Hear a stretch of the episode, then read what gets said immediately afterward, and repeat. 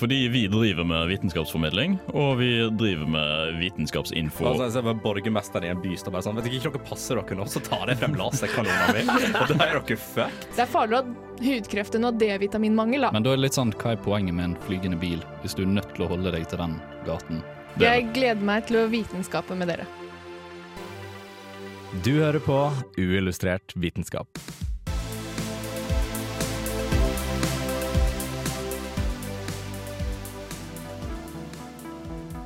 Har saltvann, sitron og en sukkerbit til felles? Jo, disse er alle typiske ingredienser i det vi liker å kalle kjerringråd. Men hvor stammer egentlig kjerringråd fra? Er alle ren og skjær flaks at de fungerer, eller kan noen vitenskapelig bevises? Og hvilke kjerringråd kan moren til Katrine gi oss?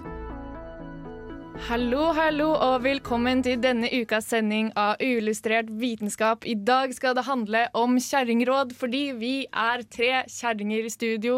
Og det vet jeg ikke om har skjedd noensinne i Uillustrert vitenskap sin historie.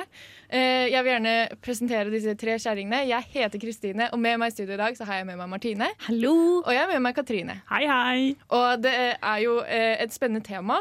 Eh, vi skal gjerne prøve å liksom debunke litt kjerringråd, eller kanskje det er noen som stemmer. Det er jo en grunn til at vi har kjerringråd. Og vi må jo på en måte um, ja, utbrodere litt på det. Og det kommer vi til etter vi har hørt på Musti med Fremtiden her på Uillustrert vitenskap på Radio Revolt. Uillustrert vitenskap tar deg med tilbake til tiden da de begynte planleggingen av flyttingen av Dragvoll til Gløshaugen. På Radio Revolt. Fremtiden er lys, synger Musti, men vi går tilbake igjen til fortiden, vi, for det syns vi er mye bedre.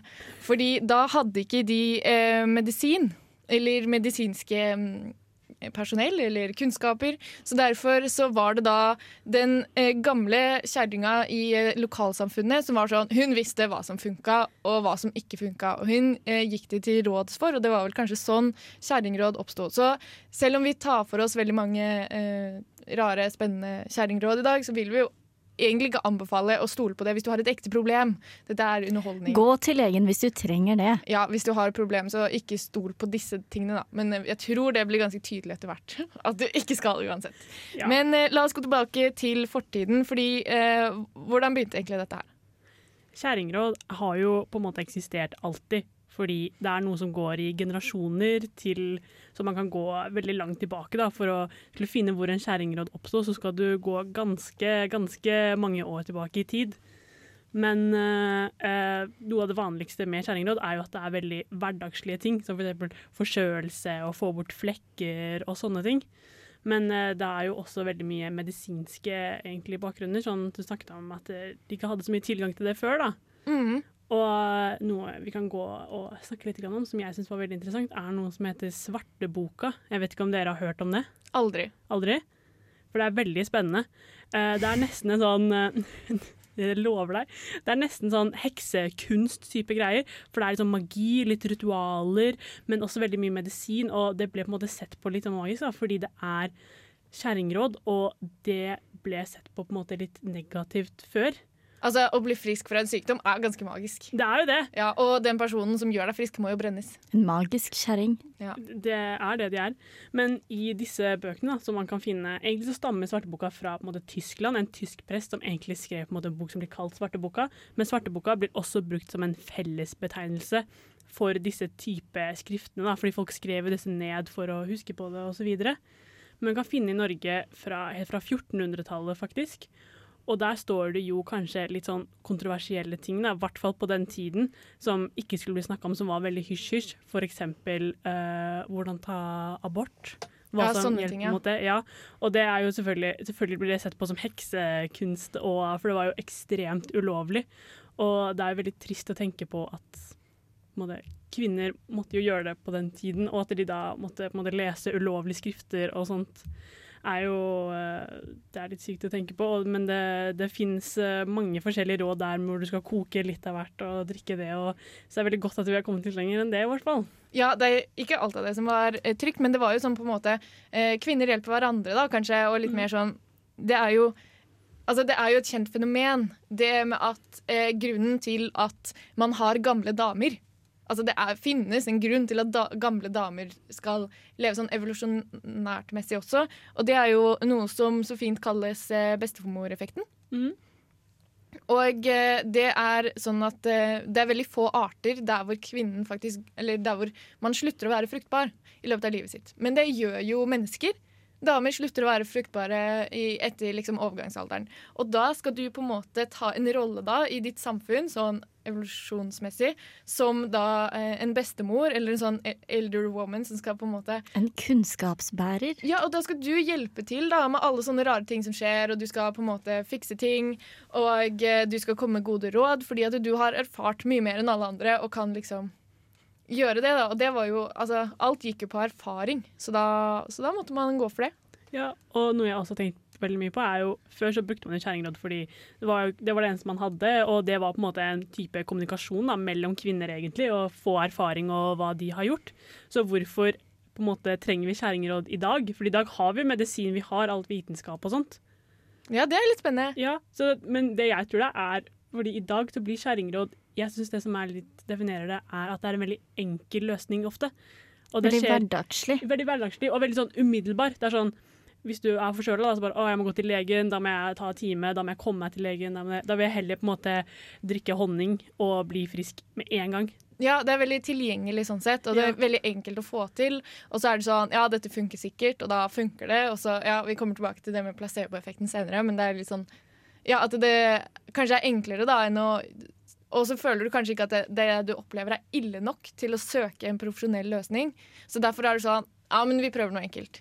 Vi trenger bare noe enkelt bare for at det skal bli bedre. Vi trenger bare bakepulver, så går alt fint. Salt, bakepulver, sitron. Det er sånne ting du må ha i skapet ditt da, hvis dette skal fungere. Ja, det er det. Ja, Men eh, det med gamle kvinner Nei, jeg skal, ikke, jeg skal ikke si det. Men vi eh, Altså, man skal spørre hverandre om råd. Man skal spørre eldre kvinner om kjerringråd, og det har vi gjort.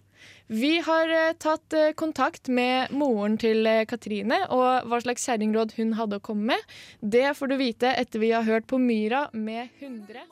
Det får du her på Ulystrert vitenskap på Radio Volt. Så handler det jo selvfølgelig om noe kjempegøy. Og det er kjerringråd. Og nå har vi kommet til den delen hvor man gjør det man gjør når man trenger litt ekstra hjelp, og det er å ringe mamma. Mamma Gjestrum, shout-out til mamma Gjestrum. Ja. Hva hadde hun eh, å fortelle oss? Jo, hun hadde veldig mye å fortelle, faktisk. Jeg ble positivt overrasket. Eh, og vi kan jo starte med litt de som er uh, debunka, eller utforsket litt, grann, da. Ja, jeg vil gjerne høre litt om ting som ikke stemmer. Det er Ja. litt sånn gøy. Vi er kulere enn alle damene i hele verden som har vært før oss.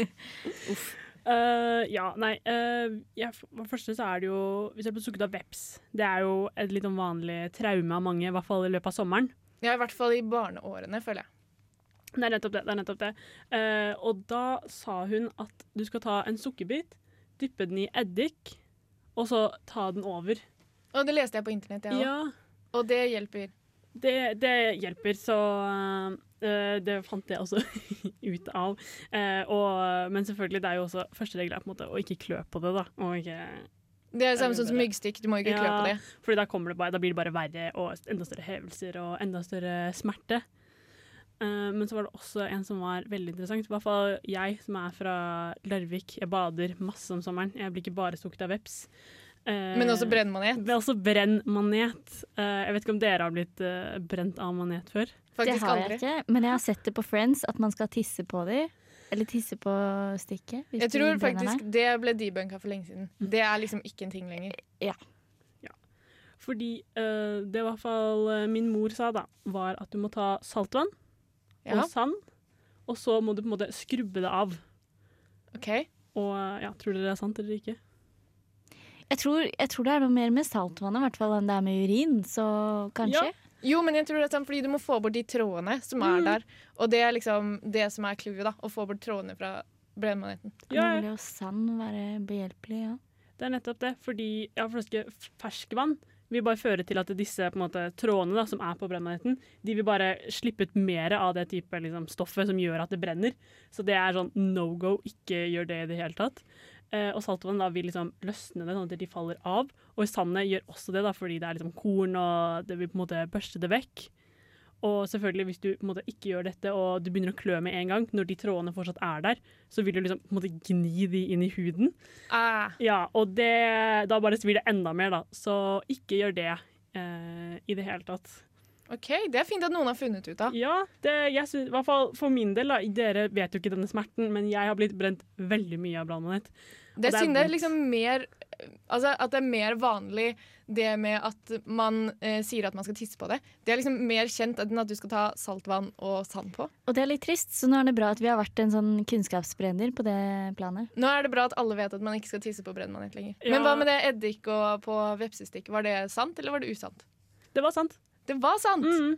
Mm. Så eh, hun sa egentlig bare sannheten eh, til meg. Rett ut. Ja, for da trekker du kanskje ut giften, eller sånt? Mm, Med det. sukker og Du- osmose og sånn. Ja, og så demper du smerten da, med, med liksom eddiken. Ja. Så du kjenner ikke så mye, så mye vondt. Gøy. Men- kan jeg ta eddik på andre ting som gjør vondt også? Ikke på brannmanett. Nei. Da gjør det verre. Okay. Mm. Men uh, hvis jeg har slått tåa mi, kan jeg ta eddik på da? Det Ukjent. har vi, jo, vi har jo en, eh, en i i studio her som har slått hva si. Ja, hun prøvde en del kjerringråd mot det, kanskje. Men jeg det- har ikke prøvd eddik. Det skal jeg innrømme. Ja. Vi kommer tilbake til hva du prøvde etterpå. Ja. Uh, har du flere ting som ikke virker? Som ikke virker. Ja? Nei. Nei, ok. Hva er det som virker, da? Det som virker, mamma, har jo, mamma er jo forsker. Det er en løgn. Men hun eh, er jo en mammaforsker.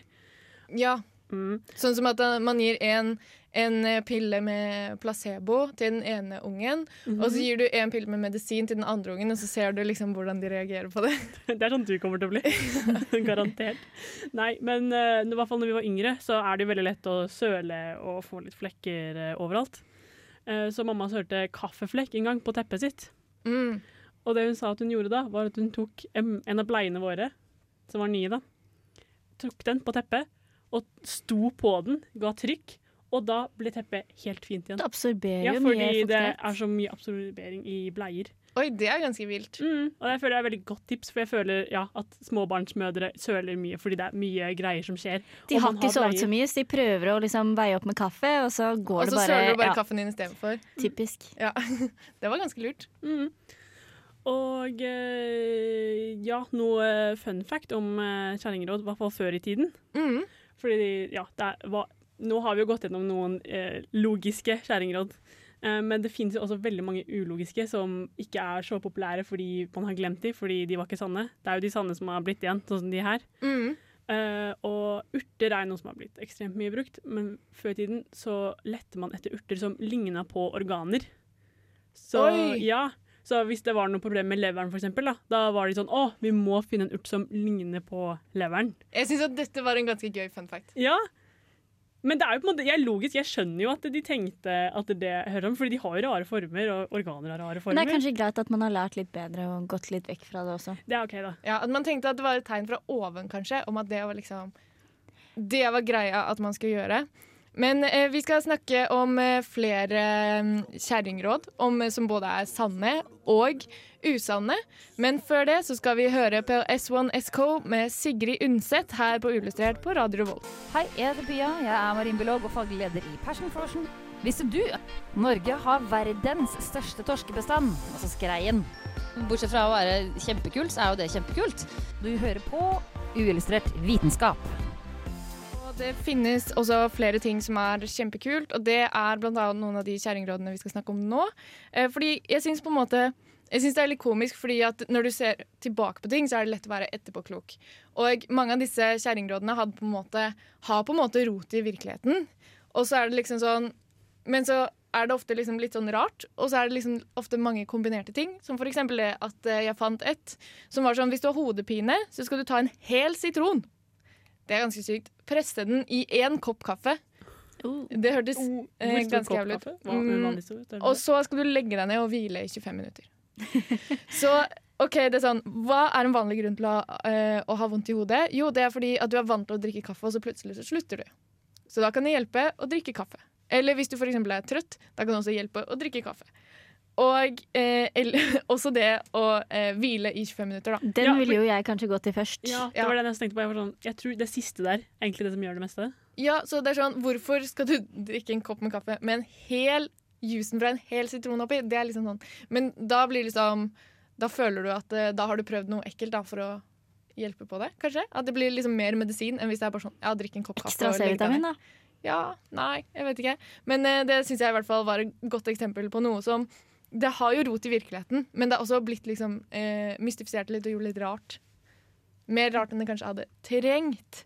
Har du flere eksempler, eh, Martine? Du har jo for eksempel eh, når jeg selv prøvde, når jeg var sånn 14 år og hadde masse kviser og tenkte dette har jeg ikke lyst til, men så hadde jeg heller ikke så mye penger å bruke på masse forskjellige hudpleier, fordi nå i dag finnes det jo mye på en måte som hevder å være vitenskapelig, og dette er mirakel for kvisene dine. Eh, så det jeg da gikk til, var det store internett, hvor det sto at tannkrem på kviser over natta skal tørke ut kvisene. Og det har jeg faktisk prøvd. Ja, så vi er, vi er flere som da kan si at det funker ikke. Nei, og så eh, er det jo også det at eh, det er funnet ut at det er ikke så bra for huden å ha på seg tannkrem. Nei, det, er, altså det, er, det tetter jo igjen porene, og det er ikke det man vil. Det er ikke det huden trenger. Nei, men det skal jo Eller jeg hørte logikken bak det. da Sånn for eksempel da hvis eh, at det var eh, noen At tannkrem skulle tørke ut huden. Men så gjør det kanskje ikke det heller, Fordi hvis du tar på spesielt mye tannkrem, så blir det bare sånn lag som legger seg over. Og det er sånn gummi i tannkrem, og gummi tørker jo ikke helt. Så det var sånn Ja, den er ikke helt bra, da. Men så er det ofte brukt når man er forkjøla. Sånn, eh, at man lager te av ingefær, sitron og honning er jo en veldig kjent kombinasjon. Ja. Eh, så det kikka jeg litt eh, inn i for å se hva er det som faktisk virker her. Og det jeg fant ut, var at det er gjort en rekke studier på ingefær. Eh, og ingefær hjelper mot mye, blant annet det er kvalmestillende, det hjelper mot diaré, mot vektøkning, mot slitasjegikt. Men ikke noe mot forkjølelse, ikke noe mot halsen. Du får bare en sånn sterk eh, sterk smak i munnen, egentlig. Mens derimot eh, eh, honning har en veldig god effekt for halsen. Okay. Det har til og med britiske helsemyndigheter har gått ut og anbefalt det. Eh, eller få legene til å anbefale det videre til sine pasienter, sånn at de skal slutte å gi dem så mye antibiotika når de har vondt i halsen, og heller begynne med honning først. Eh, Ja, det var er litt fint, da, fordi det er mange som er sånn ah, Kanskje eh, det er litt kjipt å liksom ikke anbefale noe. Så det er sånn Anbefaler honning. honning. Det er i hvert fall betennelsesdempende og, og har mye antioksidanter. Det er en morsom ting med honning, bare sånn for å skyte inn det, Ja. er at eh, eh, grunnen til at honning ofte er sånn antibakterielt og sånn, er fordi at honning er dritsurt. Du, det syns ikke at det smaker søtt, men sånn pH-en til honning er veldig lav.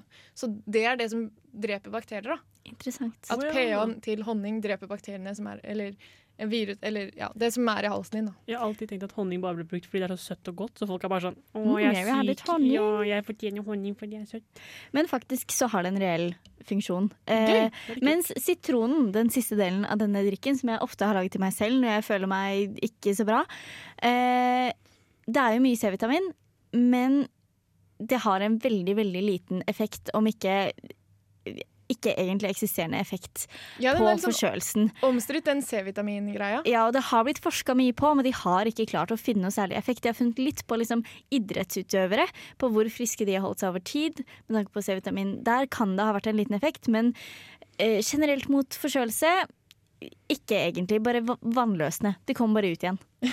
Veldig gøy, da. Ja. Men uh, C-vitaminmyten er i hvert fall nå ikke eksisterende lenger.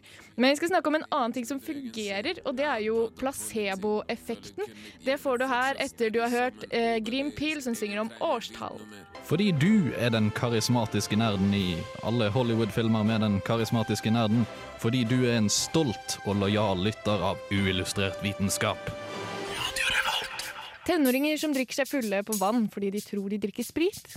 Eller han legen som behandlet pasienter med saltvann fordi han var tom for morfin. To eksempler på placeboeffekten. Det at man kan bli frisk fra f.eks. en sykdom ved at du tror du får behandling. Som f.eks. en sukkerpille. Hvorfor fungerer det? Er det fordi at når du tror det går bra, så går det bra? Om placeboeffekten i seg selv kan gjøre deg frisk, er omstridt. Noen mener det handler mer om din egen motivasjon for å bli frisk, og at samtidig med behandlingen legger folk om livsstilen sin, f.eks. Andre tenker at bare det å ta medisin aktiverer dopamin- og endorfinsystemet i kroppen, sånn at kroppen takler bl.a. smerte bedre og leges fortere. Men altså Samme det, kanskje? Så lenge det funker. Så akkurat det er litt spennende, syns jeg. Fordi at jeg, jeg liker å vite hvordan ting fungerer. Og eh, etter ganske kort research, men fortsatt ganske Jeg har gjort research, men jeg har liksom ikke funnet ut hvorfor placeboeffekten fungerer. Og folk er liksom sånn Nei, de tror For det står en del steder at eh, du blir ikke frisk av placeboeffekten. Det bare gjør at du føler deg bedre. Men så er det jo også mange ting Altså, hvis du føler deg bra, er du frisk da, kanskje? Og ja. Ja, fordi, men det er jo mye eh, måte sykdommer som har veldig forskjellig grad. For eksempel forkjølelse. Hvor er grensa på at du er forkjølet, og at du bare er litt sår i halsen, for eksempel? Ja, altså Hvis du da drikker litt honning og føler deg bedre, har du da blitt frisk av å drikke honning og ingefær? Det er liksom ja, spørs det er liksom vanskelig definisjonsspørsmål, da. Men det er jo mange som har prøvd å måle på dette og har definert liksom klare grenser. Og har vært sånn OK, hvor vondt har du på en skala fra én til ti? Eh, og så gir du noen placebo, og så gir du noen ehm, Ikke placebo? ja, en, en ekte medisin, og så er det liksom, scorer du, da. Og de aller fleste studier så har du en liten placeboeffekt. En sånn, så Derfor må du alltid sammenligne med placebo, fordi det er en effekt. Du kan ikke sammenligne med de som ikke får noe som helst. Fordi det å bare gi noe gir jo en effekt seg selv. Så, um, men da må du vite om på en måte den medisinen du gir, er bedre enn å ikke gi noe Eller bedre enn å gi sukker, på en måte, da. Ja.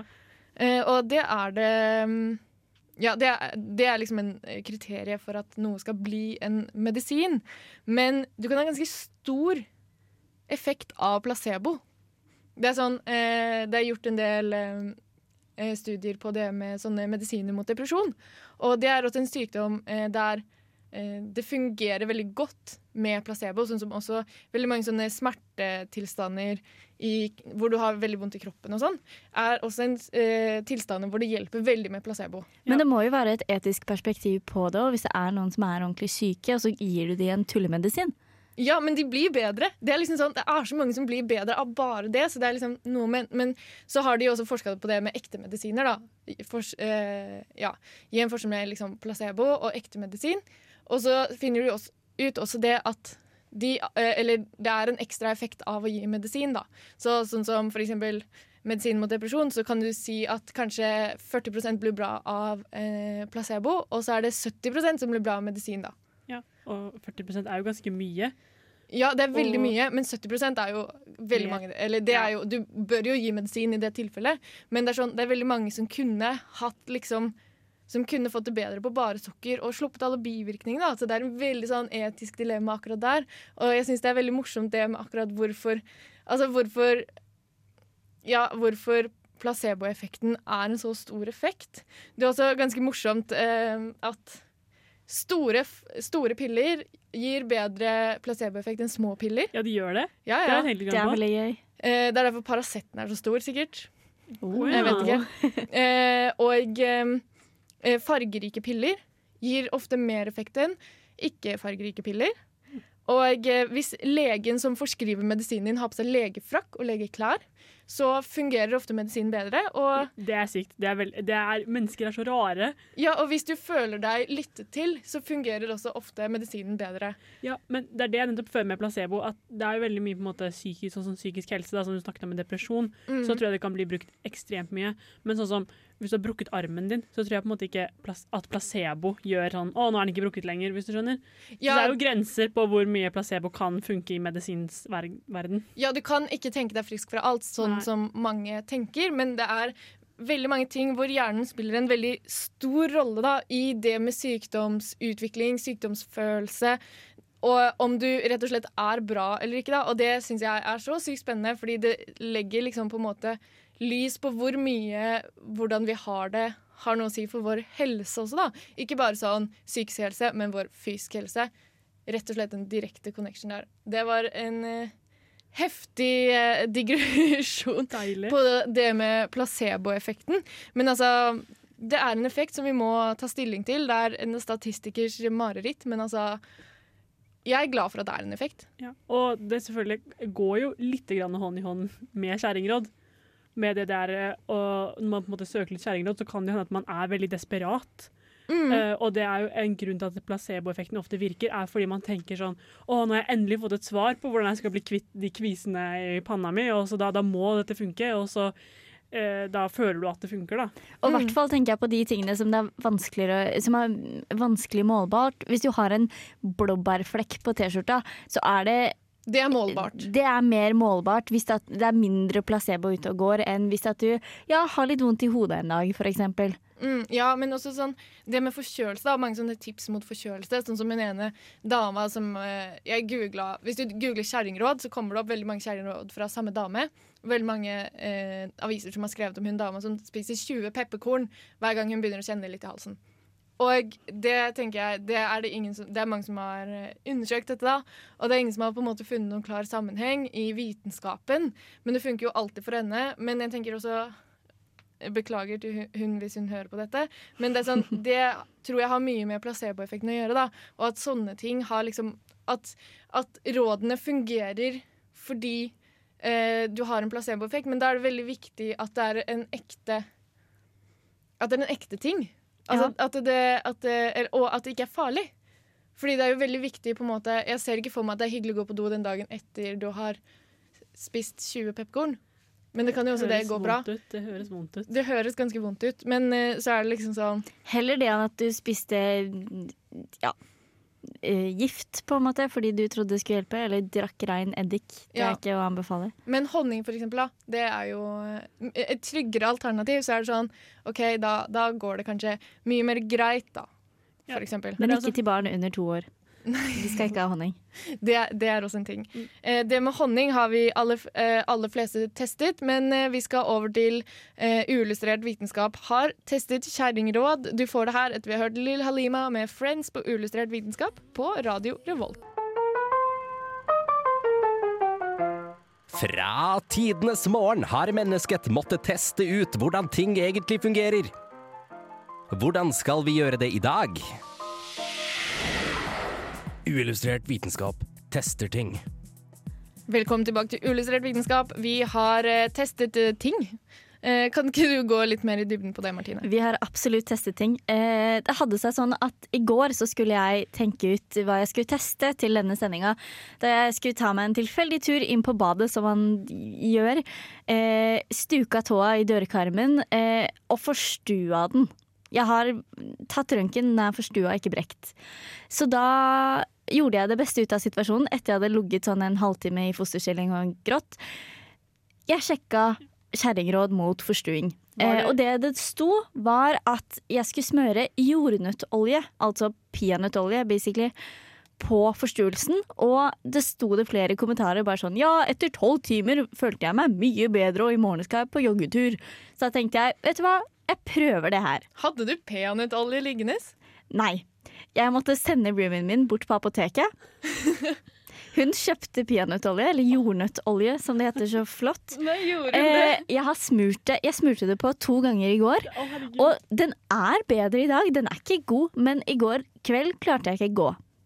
Og i dag klarer du å gå. I dag klarer jeg å gå. Så om det er eh, ja, en eh, god korrelasjon eller noe kausalt, det vet jeg ikke. Det du har gjort for vitenskapen i dag. Jeg har ofra mye.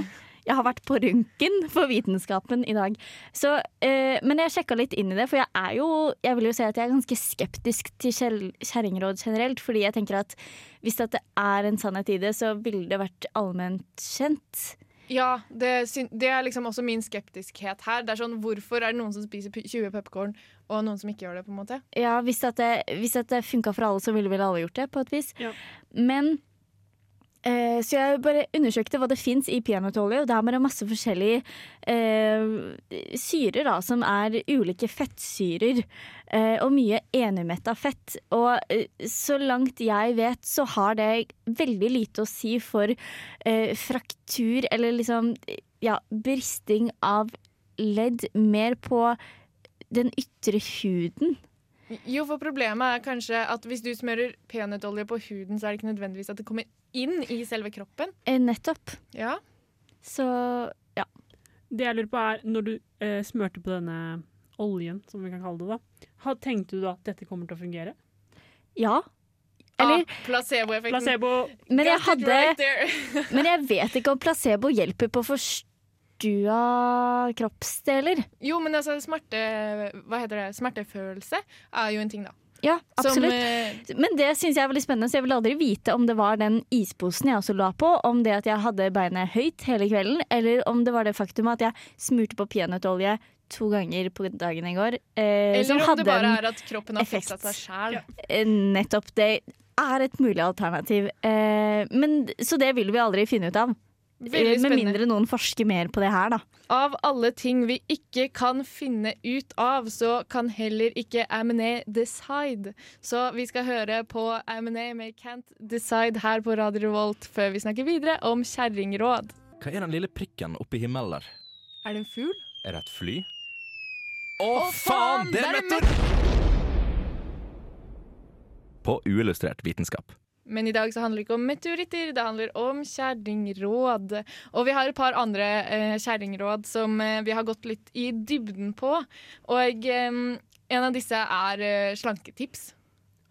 Fordi jeg, altså, jeg måtte grave meg litt ned i det, fordi jeg syns det var dritmorsomt. Hvor Eh, kjerring blir det ikke av å ha slanketips? som jo, fordi det er det alltid. Og hvis du går ut sånn, og jeg føler at disse er ikke gamle Dette her er ikke Eller jo, de er kanskje gamle i tillegg, men det er liksom ikke Dette er det du finner på VG+. Ja, eller på Pinterest. Hvis du scroller langt nok ned på Pinterest, så er det dette du får.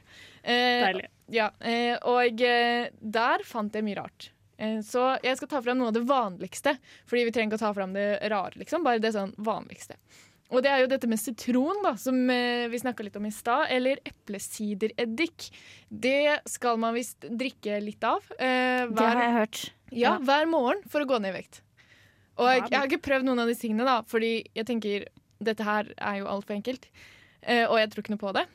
Men, eh, men man har faktisk studier som viser at de som drikker da, eplesider, eller en teskje eller spiseskje eller et eller annet, eh, eplesidereddik på morgenen, de går mer ned i vekt enn de andre som ikke gjorde det. da. Eller de som bare drakk vann eller et eller annet. Men så er vel spørsmålet mer hva de gjør ved siden av, kanskje?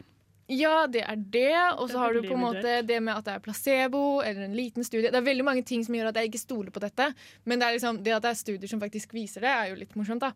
Men um, så er det det med at uh, det kan på en måte Ja, det kan påvirke på en måte hvor mett du føler deg, kanskje. Hvis du drikker Altså, jeg tror ikke at hvis jeg hadde spist en teskje eplesidereddik, at jeg hadde hatt veldig lyst på frokost etterpå. På en måte. Men hva er, hva er det Fjerne egentlig? Eplesidereddik. Ja. Det er eh, eplesider som har blitt gammel. OK. Fordi eddik, ikke sant? Eddik er jo egentlig gammel eh, Altså, Eddik er det du får når alkohol oksiderer. Ja. Så hvis du hadde satt en eplesider på, eh, til å oksidere og bare gitt den masse oksygen, til, sånn at altså, eh, alkoholen hadde blitt eddik, så hadde du fått eplesidereddik. Vi bruker det mot bananfluer hjemme. Ja, det er også en ja. Det er et. Men jeg vet ikke, det har ikke noe med slanking å gjøre, så det kan jeg ikke noe.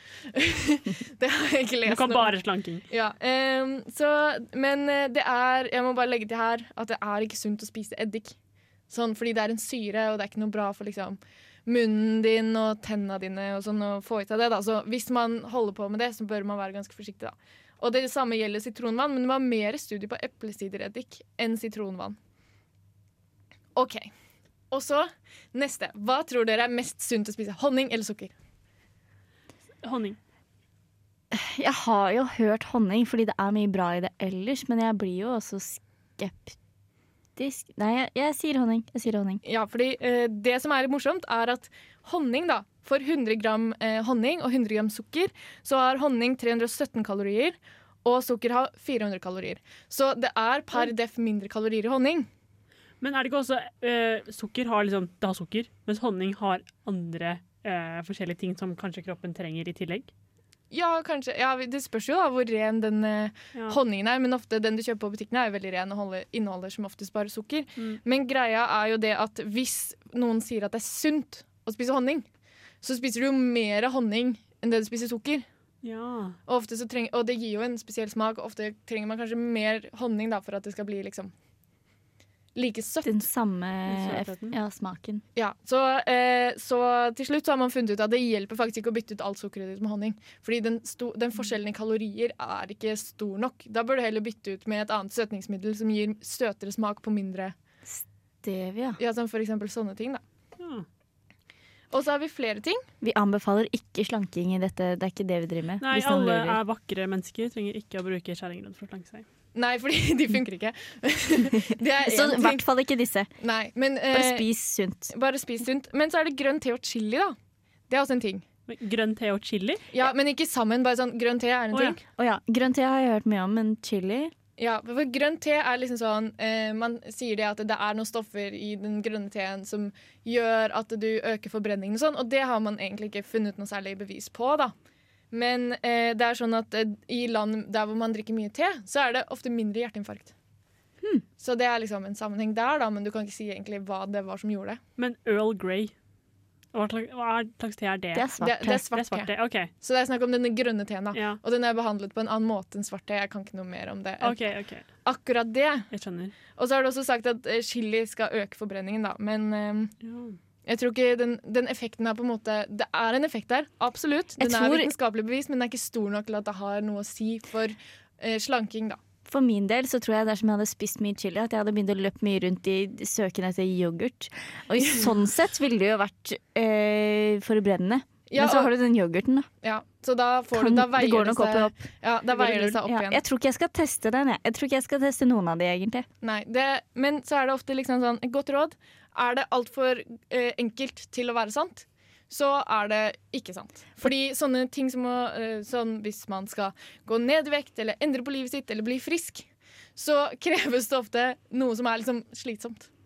Typ livsstilsendring. Ja, det er veldig vanskelig, og derfor så er det ingen som har lyst til å gjøre det. Men Og altså, derfor kan man tjene mye penger på å selge ting som sies å være enkelt. Blant annet på TV så er det jo reklame for kaffe som skal gjøre deg slank. på en måte. Det er for godt til å være sant. Ja, ikke sant? Og derfor så eh, burde da den sunne skeptisen kick, skepsisen kicke inn og være sånn OK, men her tror jeg kanskje ikke på det. Du må velge the hard road. Nei da. Men eh, vi skal eh, oppsummere litt etter hvert, men før det så skal vi høre MC Magnus med 'Sitter fast'. Uillustrert vitenskap er dritkule. Eh, Dere er det beste programmet ever. I love you guys. Hilsen super-hyperfan.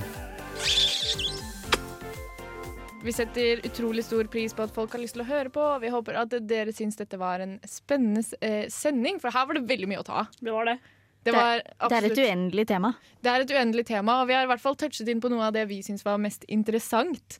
Eh, jeg har eh, lyst til å avslutte litt med syv råd jeg fant i en eh, gammel, gammel bok eh, da jeg var på ferie på Vestlandet. Hvor det, er sånn, det er en by som heter sånn Bokbyen, Oi. hvor du har sånn masse gamle bøker overalt.